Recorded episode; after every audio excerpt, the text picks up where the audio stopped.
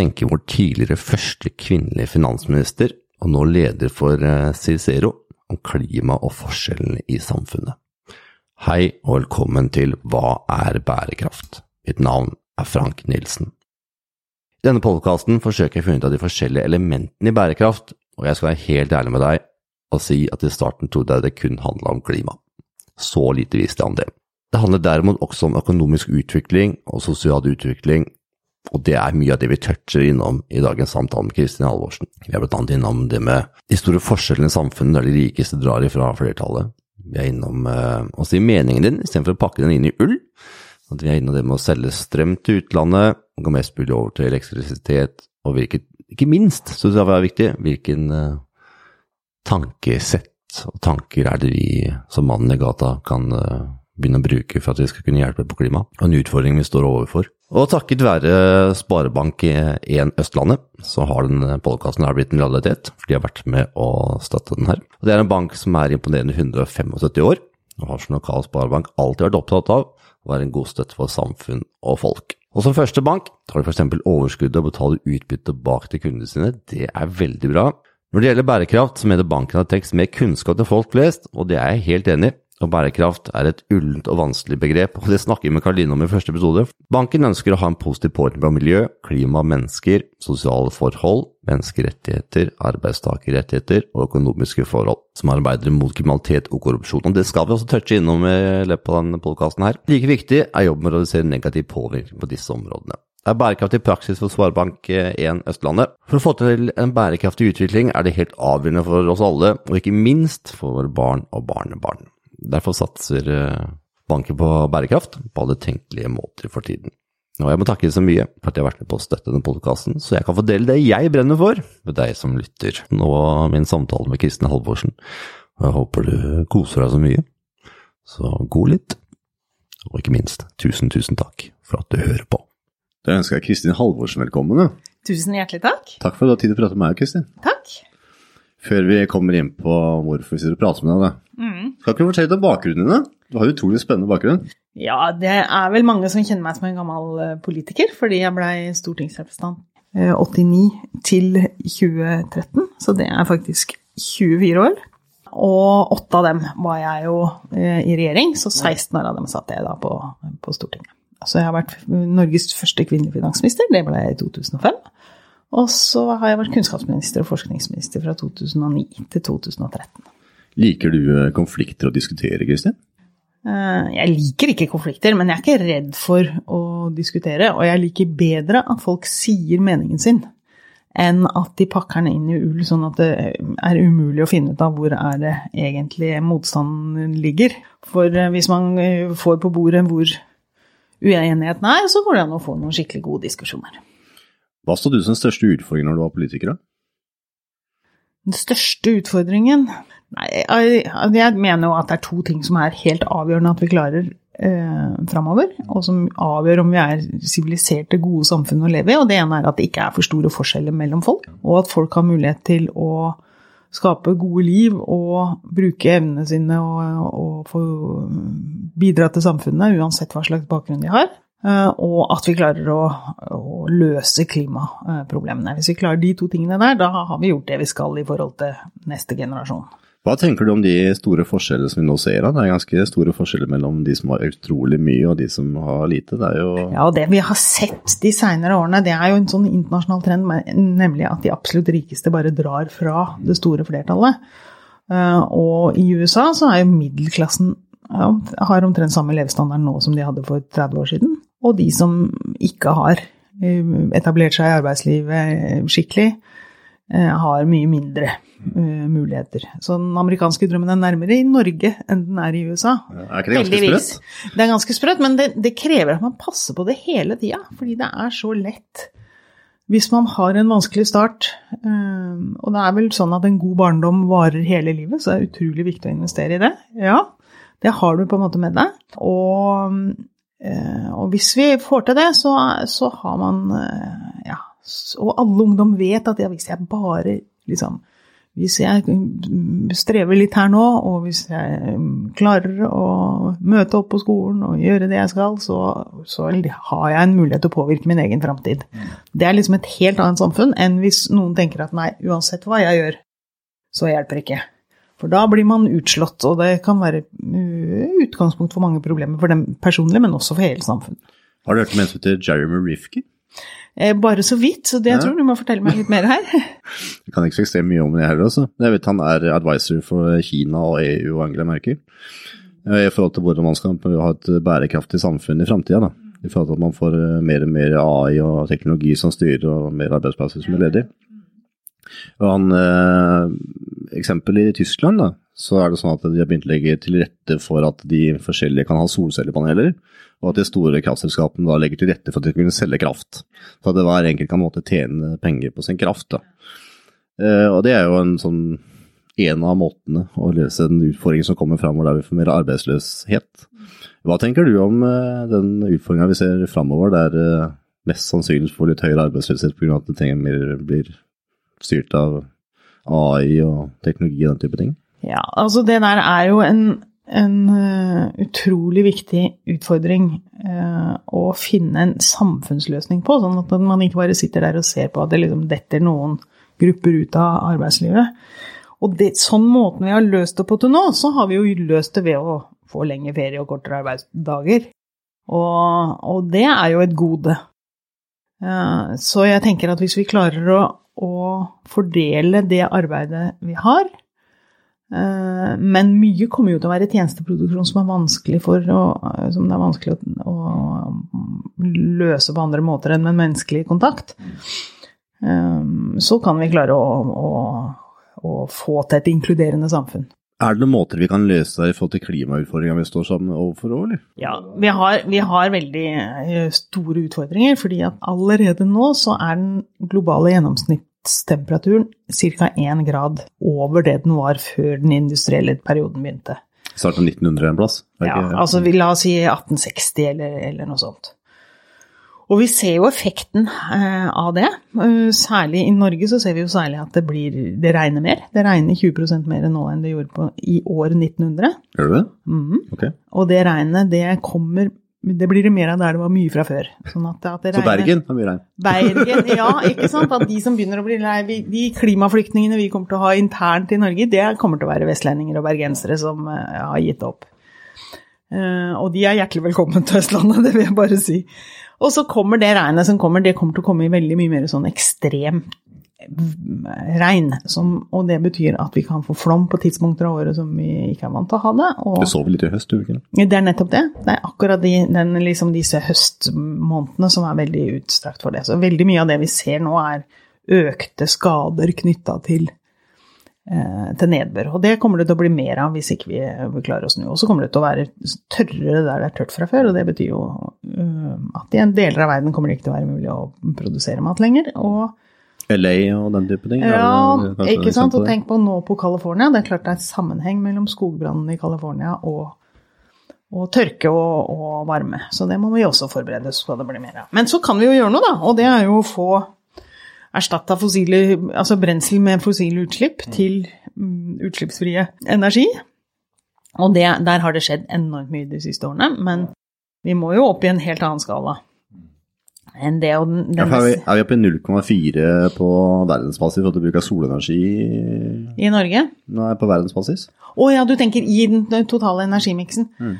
Å, oh, de tallene husker jeg, jeg tror den er det. Ja, jeg, husker ikke helt det, tallene, men, var, det var det Norge? Men jeg tror det er for, for, lavt hvis du ser totalt sett globalt. Ja, jeg tror det er 0,4 på verdensbasis, og 35 i 35 i Tyskland, tror jeg. Norge vet jeg ikke, skal jeg være helt ærlig. Hva har vi i Norge? Da? Nei, ikke sant. Det er, vi har ikke veldig mye solkraft i Norge. Og det er jo fordi at vi er veldig heldige. Mm, masse vann, da. Nettopp. Vi kan vite at den strømmen vi får, den er stort sett fornybar. Så for oss er det veldig viktig å elektrifisere mest mulig. Ikke bare biler, men også tungtrafikk og busser og havner og skip og alt det der. Det er kjempeviktig. Ja, for skip har vi ganske stort utslipp.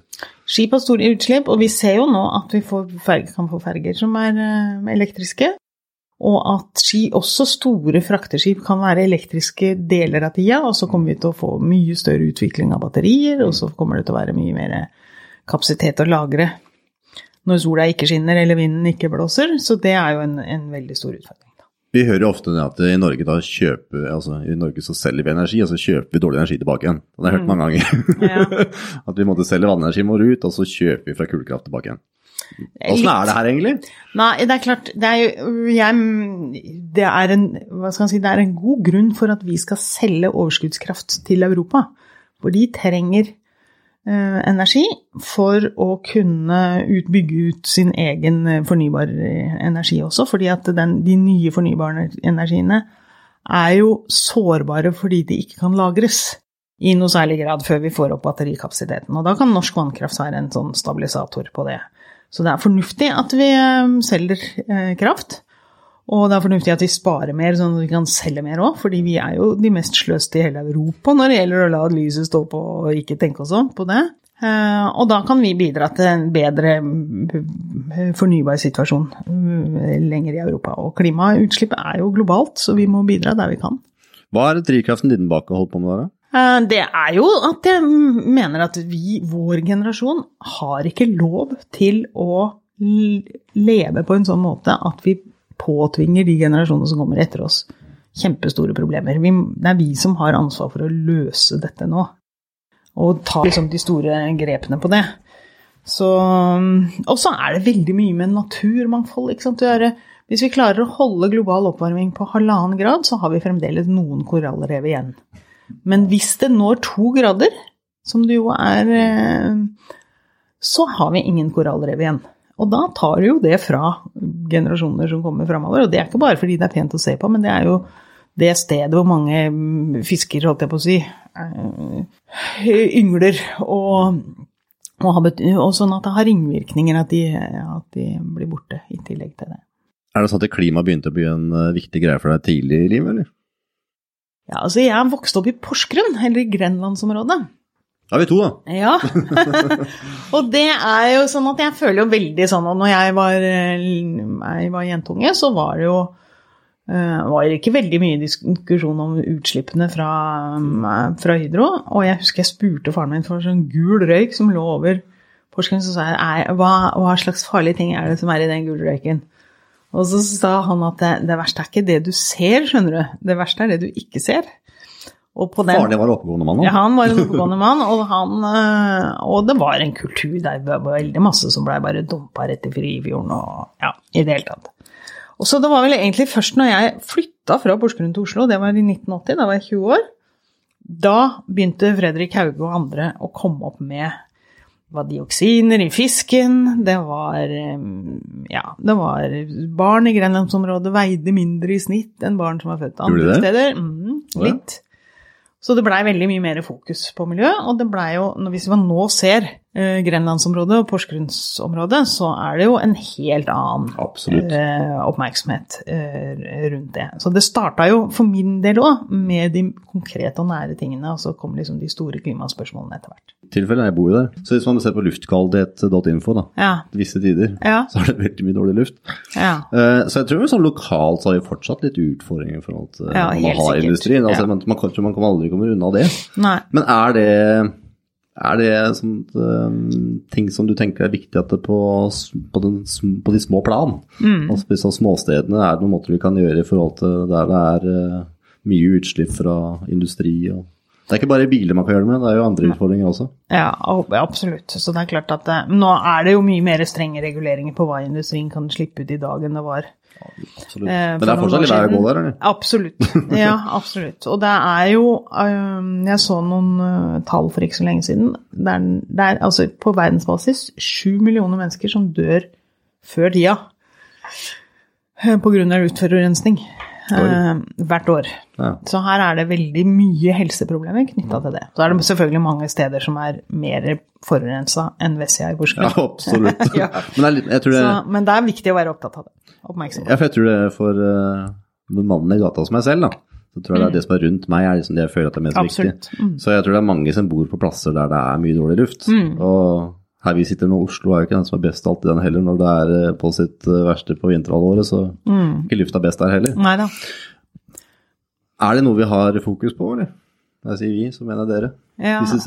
Ja, og så er det jo særlig fordi det er ofte en Altså det er ofte sammenheng mellom utslipp av partikler og klimautslippene. Så det er ofte to sider av samme sak. Så når Kina f.eks. er så opptatt av eh, å redusere sine eh, utslipp, så er jo veldig mye av det knytta til eh, befolkningens helsesituasjon. Og jeg var der faktisk, jeg var i Kina i fjor. Okay. Nei, det var, nå tuller jeg, det var i januar i år. Men det er da snart et år siden. Ja. Og den Det er nesten sånn at man får klaustrofobi.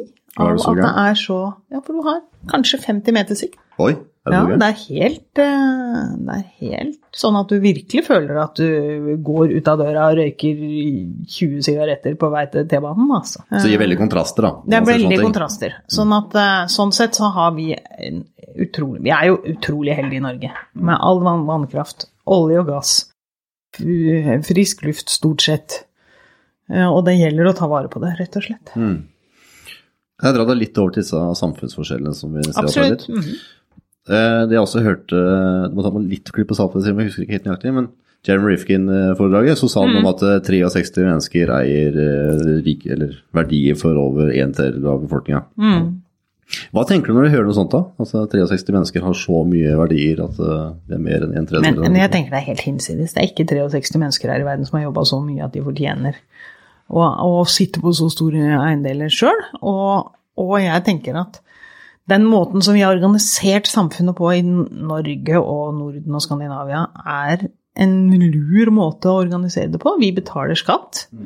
Vi får igjen et skolevesen med høy kvalitet, like høy kvalitet som private skoler har. Vi får igjen et helsevesen med høy kvalitet, like høy kvalitet som private eh, tilbud har. Vi får igjen en sikkerhet for alderdommen, vi får igjen gode barnehager osv. Og det hender jo at jeg treffer amerikanere, og det eneste de liksom vet om Norge, det er 'Å, dere betaler så mye skatt'. Og da pleier jeg å si 'ok, men la oss sette oss ned', og så ser vi. Hvor mye betaler du i skatt? Og det er jo ganske riktig at mange betaler mindre enn nordmenn i skatt, men det er ofte ikke veldig mye mindre. For de har masse annet som de også bruker mye penger på, fengsler og forsvar og, og sånt. Og så i tillegg så skal de da betale helseforsikring, og de skal betale skolepenger. Og skolepenger på de dyre, fine skolene, det er Det svir skikkelig i lommeboka.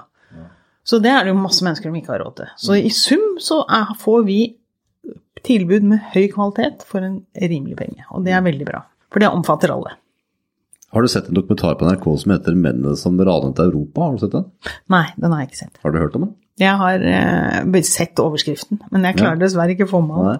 Jeg anbefaler deg å se den. Ja, mm. For det, den handler om eh, Det var noen smarte tyske advokater som fant ut hvordan man kunne tappe statskassa ved å hente ut penger fra utbytteskatt som ikke var det. ja nettopp. Eh, og vi snakker ekstremt mange milliarder. Jeg tror Danmark ble frarøva over 40 milliarder Ja. på statskassa. Mm. Norge har ikke hørt noe tall om. Jeg tror at jeg så bare liksom en Ja. liten side av den historien, og da tror jeg rett og slett at de norske bankene som kom i nærheten av dette, de eh, hadde strengere regler. Så okay. det kom ikke Så gærent ut. så gærent ut i Norge. Det blei stoppa.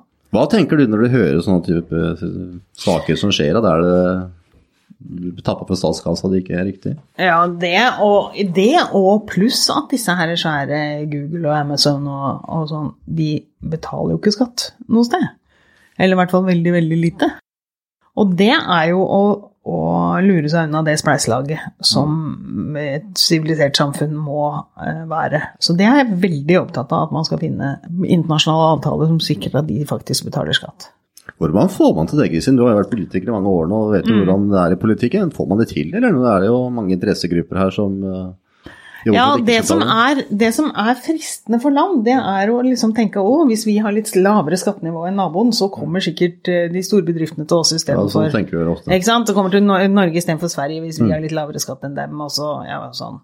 Og da er du inne i sånn skattedumping. Ikke sant? Da prøver du å gjøre deg lekker for storkapitalen ved å si å, vi handler så billig og fint. Men, og det er liksom bare Det er en sånn spiral på vei mot bånn. Så der er det veldig viktig at man får på plass gode skatteavtaler. Og så når det gjelder Her kan faktisk EU gjøre en ganske god og viktig jobb, fordi at de har jo tross alt eh, mange medlemmer. Så hvis de klarer å få opp skatteregimer som gjør at både Facebook og Google og Amazon må betale skatt, så har vi kommet et godt stykke på vei. Hva er grunnen til at de ikke får det til, da? Eh, Det er vel rett og slett at de, de, de, de, er så internasjonale og globale, disse eh, store, moderne eh, selskapene, at de klarer å omgå skatteregimene i de forskjellige land. Følte du noen gang noe håpløshet når du var politiker, eller? Ja, det kan jo hende at man føler seg maktesløs. At man ikke Men først og fremst så føler han jo at det er veldig meningsfylt da, å få lov å holde på med ting som er viktig for mange mennesker, og viktig for samfunnet, landet framover, og viktig Jeg var litt nysgjerrig når du måtte føle litt maktesløshet. da. Var det litt samme saker som gikk igjen, eller er det som du så at vet du, det her Nei, altså Det mest spennende som jeg, jeg var med på, det var jo når finanskrisa begynte i 2008 og til 2009. Fordi da, da sto vi liksom overfor en krise som ikke ligna noe vi hadde sett tidligere. Og den var ikke skapt i Norge, den var skapt i USA og andre land. Som jo hadde falt for fristelsen til å låne penger, masse penger til folk som egentlig ikke hadde råd til å låne dem. Og da, på et eller annet tidspunkt, så så rakner jo sånn. Eh, Så det var, det var alvor. Det var, eh, det var krevende. Men det, jeg følte ikke noe maktesløshet den gangen heller, for vi gjorde det vi skulle gjøre, ja. og på riktig tidspunkt, så vi fikk det jo bra til i Norge. Men det var hektisk, eller? Det var veldig, det var veldig spesielt. Husker du hva du gjorde for å komme ut av en situasjon der på best mulig måte? eller? Er situasjon. Vi gjorde veldig mange forskjellige ting, men det som norske banker var jo egentlig solide og hadde ikke den typen lån sjøl, eller vært sånn uansvarlig sjøl, fordi at eh, vi hadde hatt bankkrise i Norge på begynnelsen av 90-tallet. Og etter det så, så blei det Ja, var bank, norske banker solide. Eh, Men det som var saken, var at det var likviditeten, eller det var rett og slett vanskelig for bankene å få lån. Og dermed hadde ikke de noe å låne videre. Og dermed så var det en del bedrifter som sa vet du hva, nå øh, får ikke vi lån til gode prosjekter, og dette truer arbeidsplasser osv. Så, videre. så da fikk vi opp noe som vi kalte for gullkortet. Det var at øh, norske banker kunne få ekstra sikkerhet da, hvis de eh, ja, i en sånn avtale med Norges Bank, og så bidro det til at de fikk tilgang på kapital. Hvordan er det å være med og styre over så mange mennesker? Man sier Som finansminister så har man utrolig mye makt. Ja, jeg vet ikke om jeg tenkte på det sånn. Hvordan tenkte du på det? Nei, jeg, jeg, altså jeg tenkte jo på at det var veldig mye av det vi gjorde, hadde øh, påvirket folks øh, liv. Eh, Men jeg tenkte vel heller på at her, nå har du en kjempemulighet til å få til ting. Og det viktigste vi fikk til i de årene der, det var jo full barnehagedekning. Så det er jo Heldigvis har småbarnsforeldre i dag glemt det. Eller de vet ikke om hvordan det var når, når jeg hadde småbarn. Så, så var det jo eh, For det første var det kjempedyrt å ha barnehageplass, og for det andre så var det Ja, vi var med og satte i gang en, og starte en privat barnehage sjøl, fordi det var ikke noe barnehageplass å, å oppdrive.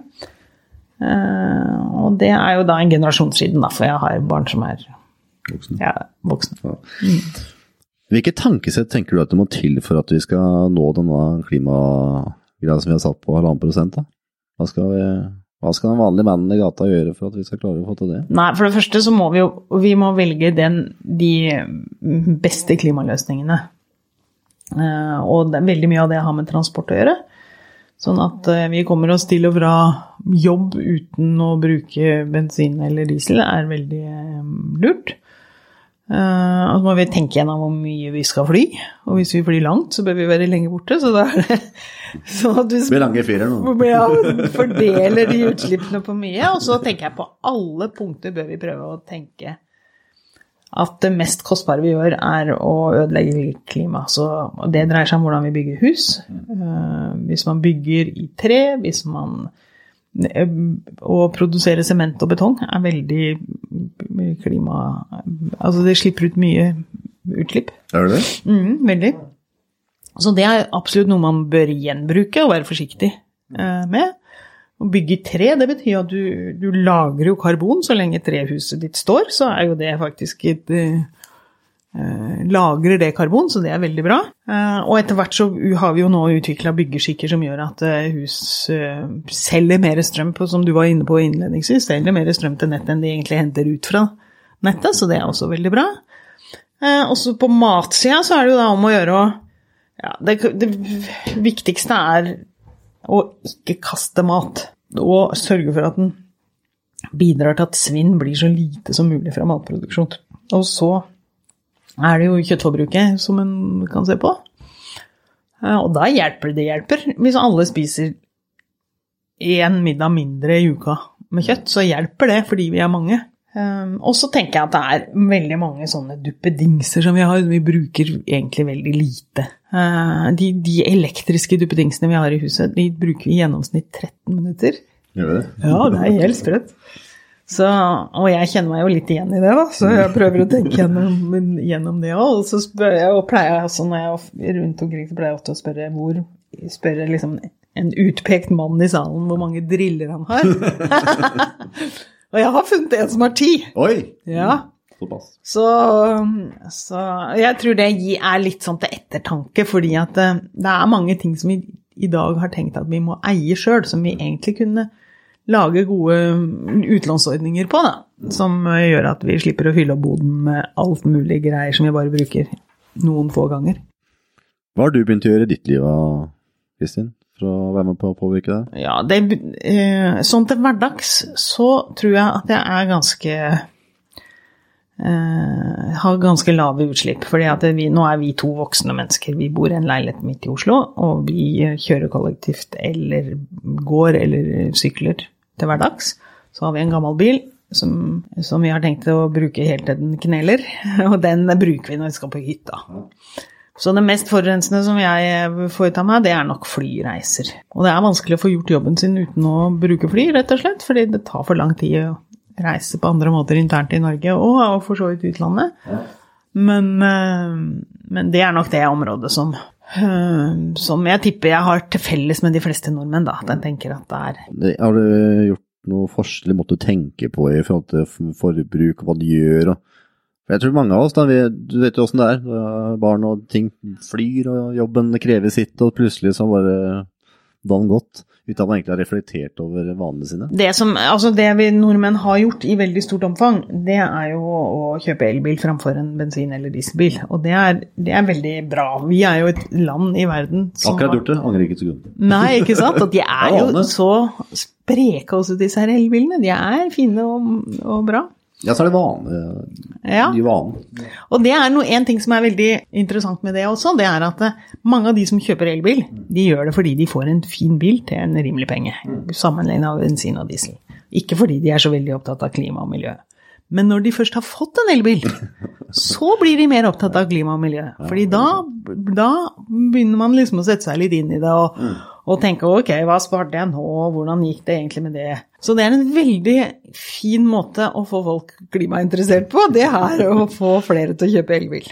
Jeg er veldig enig med deg, for jeg, som sagt, jeg tenkte ikke så veldig mye på det før. Nei. Og grunnen til at jeg tenkte å starte podkasten i utgangspunktet, det var at jeg ble invitert til, Risør i sommer for å se på mikroplast. Ja, nettopp. Og jeg hadde aldri tenkt å på miljø i det hele tatt, det er bare miljø, ja. Jeg hører hva dere sier. Og så så jeg på en måte i Risørfjorden hvor ekstremt mye mikroplast det var. Og det var oi, her har vi en utfordring. Og så begynte jeg å interessere meg mer i miljø. Og da så jeg at jøss, jeg plutselig begynner veldig opptatt av her har jeg spart det, der har jeg fått det. Sant? Ikke sant? Sånn der, samtidig så gir det en annen levestil, da. For det blir, altså, du må passe på at du må lade, og så må du stoppe noen ganger for du må lade. Så blir det mer, blir det mer pauser. Og de pausene blir at man får roa seg litt ned og stresser ikke så fælt. Ja, Så riktig. det mer, Ja, man får gjort flere ting eh, da man står stille og lader som man ikke gjorde før. ja, Så det blir mye, mye endring fordi man blir sånn påtvinga når man eh, ja. anskaffer seg nye ting. Og det som er det, det vi vet fra forskning om hvordan vi tenker rundt forandring, det er jo ofte tenker man sånn ok, først må du endre holdning, og så oppfører du deg annerledes etterpå. Men ofte er det motsatt. Og elbil er egentlig et veldig godt eksempel på det. Ja, først hvis vi får deg til å kjøpe en elbil, så begynner du kanskje å tenke litt annerledes rundt de tingene som har med klima og miljø, og plutselig setter pris på å ta en pause midt i en eh, lang biltur, istedenfor tidligere å bare mase for å komme fortest mulig fram. Ikke sant? Så det er jo det er ganske interessant, da. Er- Røykeloven er liksom det eksempelet man bruker oftest, da. Var det, var det bevisst når det ble innført òg, eller? Når man, når man slapp moms på elbil? Var det bevisst? Nei, vi tenkte ikke, eh, vi tenkte ikke eh, sånn den gangen. Og vi visste ikke heller, for jeg var, mm, i 2007 gjorde vi store endringer på bilavgiftene. Som viste seg å være veldig mye mer effektive enn det vi trodde. Men da hadde vel jeg en eller annen sånn ideell eh, oppfatning av at folk Selvfølgelig var de økonomiske virkemidlene viktige, men at det kanskje var miljø og klima som var motivet, da. Men det spiller jo ikke noen rolle for meg hva som er motivet. Det viktigste er jo at det, gjør- man gjør det, og at man, man finner ut at ja, dette var faktisk et bedre liv enn det forrige. Enn, den, enn med den forrige bilen. Mm. Nå er du direktør for Cicero. For de som ikke har hørt om det før, hva er det dere driver med? Vi er et klimaforskningsinstitutt. Vi eh, har folk som er, jobber med klimaendringer i atmosfæren og um, global Altså, hva er det som hva, Hvorfor eh, blir det 1 og 2 og 3 graders oppvarming, og hva betyr det? Eh, Og så har vi økonomer og, og statsvitere som jobber med klimaavtaler og hvordan forskjellige land tenker rundt klimapolitikk. Og så har vi folk som jobber med mer lo lokale klimautslippsreduksjoner og tilpasning til klimaendringer. Så um, det, og, det er, og vi har ja, en tredjedel av forskerne våre kommer vel fra andre land enn Norge. Så vi har et internasjonalt eh, miljø og tiltrekker oss folk fra hele verden. Det er Ja. veldig spennende. Det er kult. Ja. Så ja. Hva tenker du om eh, Parisavtalen sånn avslutningsvis?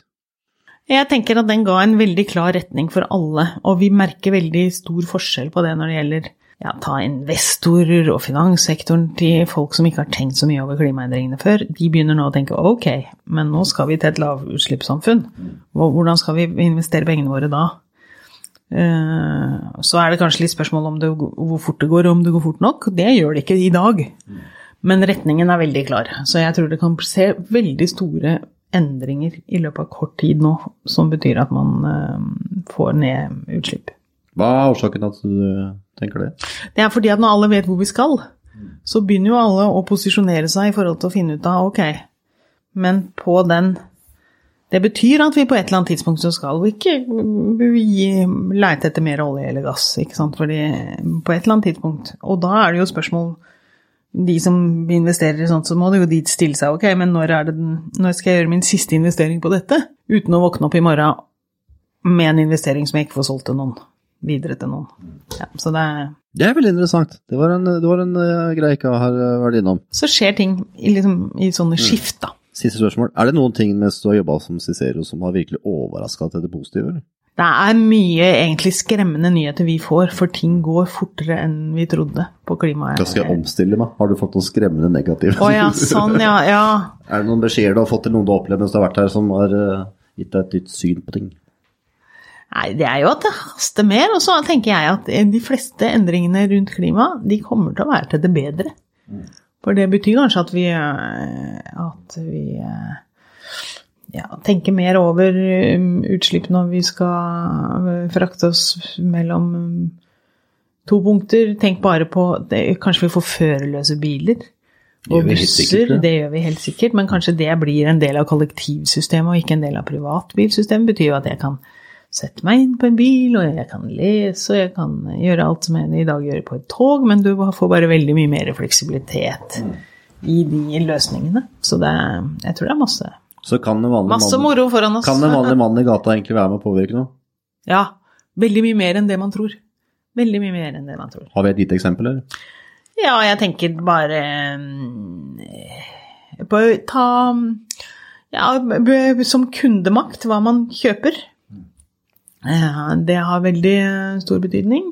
At det nå har kommet så mye sånne eh, brukt butikker som ikke betyr at du skal gjøre ting eh, Bare ta frem gamle ting, men kanskje du skal fikse litt på dem og få dem litt eh, moderne og, og uh, gjenbruk og reparasjoner og alt mulig sånne ting. Det, det, det tror jeg kan få en Nevenyttige folk tror jeg kan få skikkelig gode tider fremover.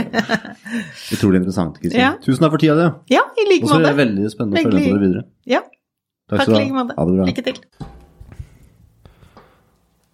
Jeg håper du likte episoden med Kristin like mye som det jeg gjorde. Og syns det her var underholdende, så kommer det til flere utrolig interessante gjester. Neste gjest han heter Bjørn Lomborg, og er leder av en av verdens største tenketanker. Og han gikk ut og sa seg enig med president Donald Trump om å gå ut fra klimaavtalen. Og spennende å høre hvorfor han tenker det. Vi skal få høre med Børge Ausland, hvor han opplever at isen, isen forsvinner. Vi skal også få høre med forskere, professor innen det med epigenetikk og miljøpåvirkning, og vi skal også få høre om lydstøy med mye, mye mer. Så trykker du på abonner i din favorittpodkast-app, så kommer episodene inn automatisk. Og syns du den var underholdende, gi den gjerne fem stjerners, og del den gjerne. Jo flere som kan være med å lytte, så er det med på å bidra til at iallfall det jeg tenker om bærekraft og hvordan vi kan hjelpe hverandre, blir bedre spredt. Så andre også kan gjøre det. Så tusen, tusen takk for at du hørte på, og jeg ønsker deg en utrolig fin dag.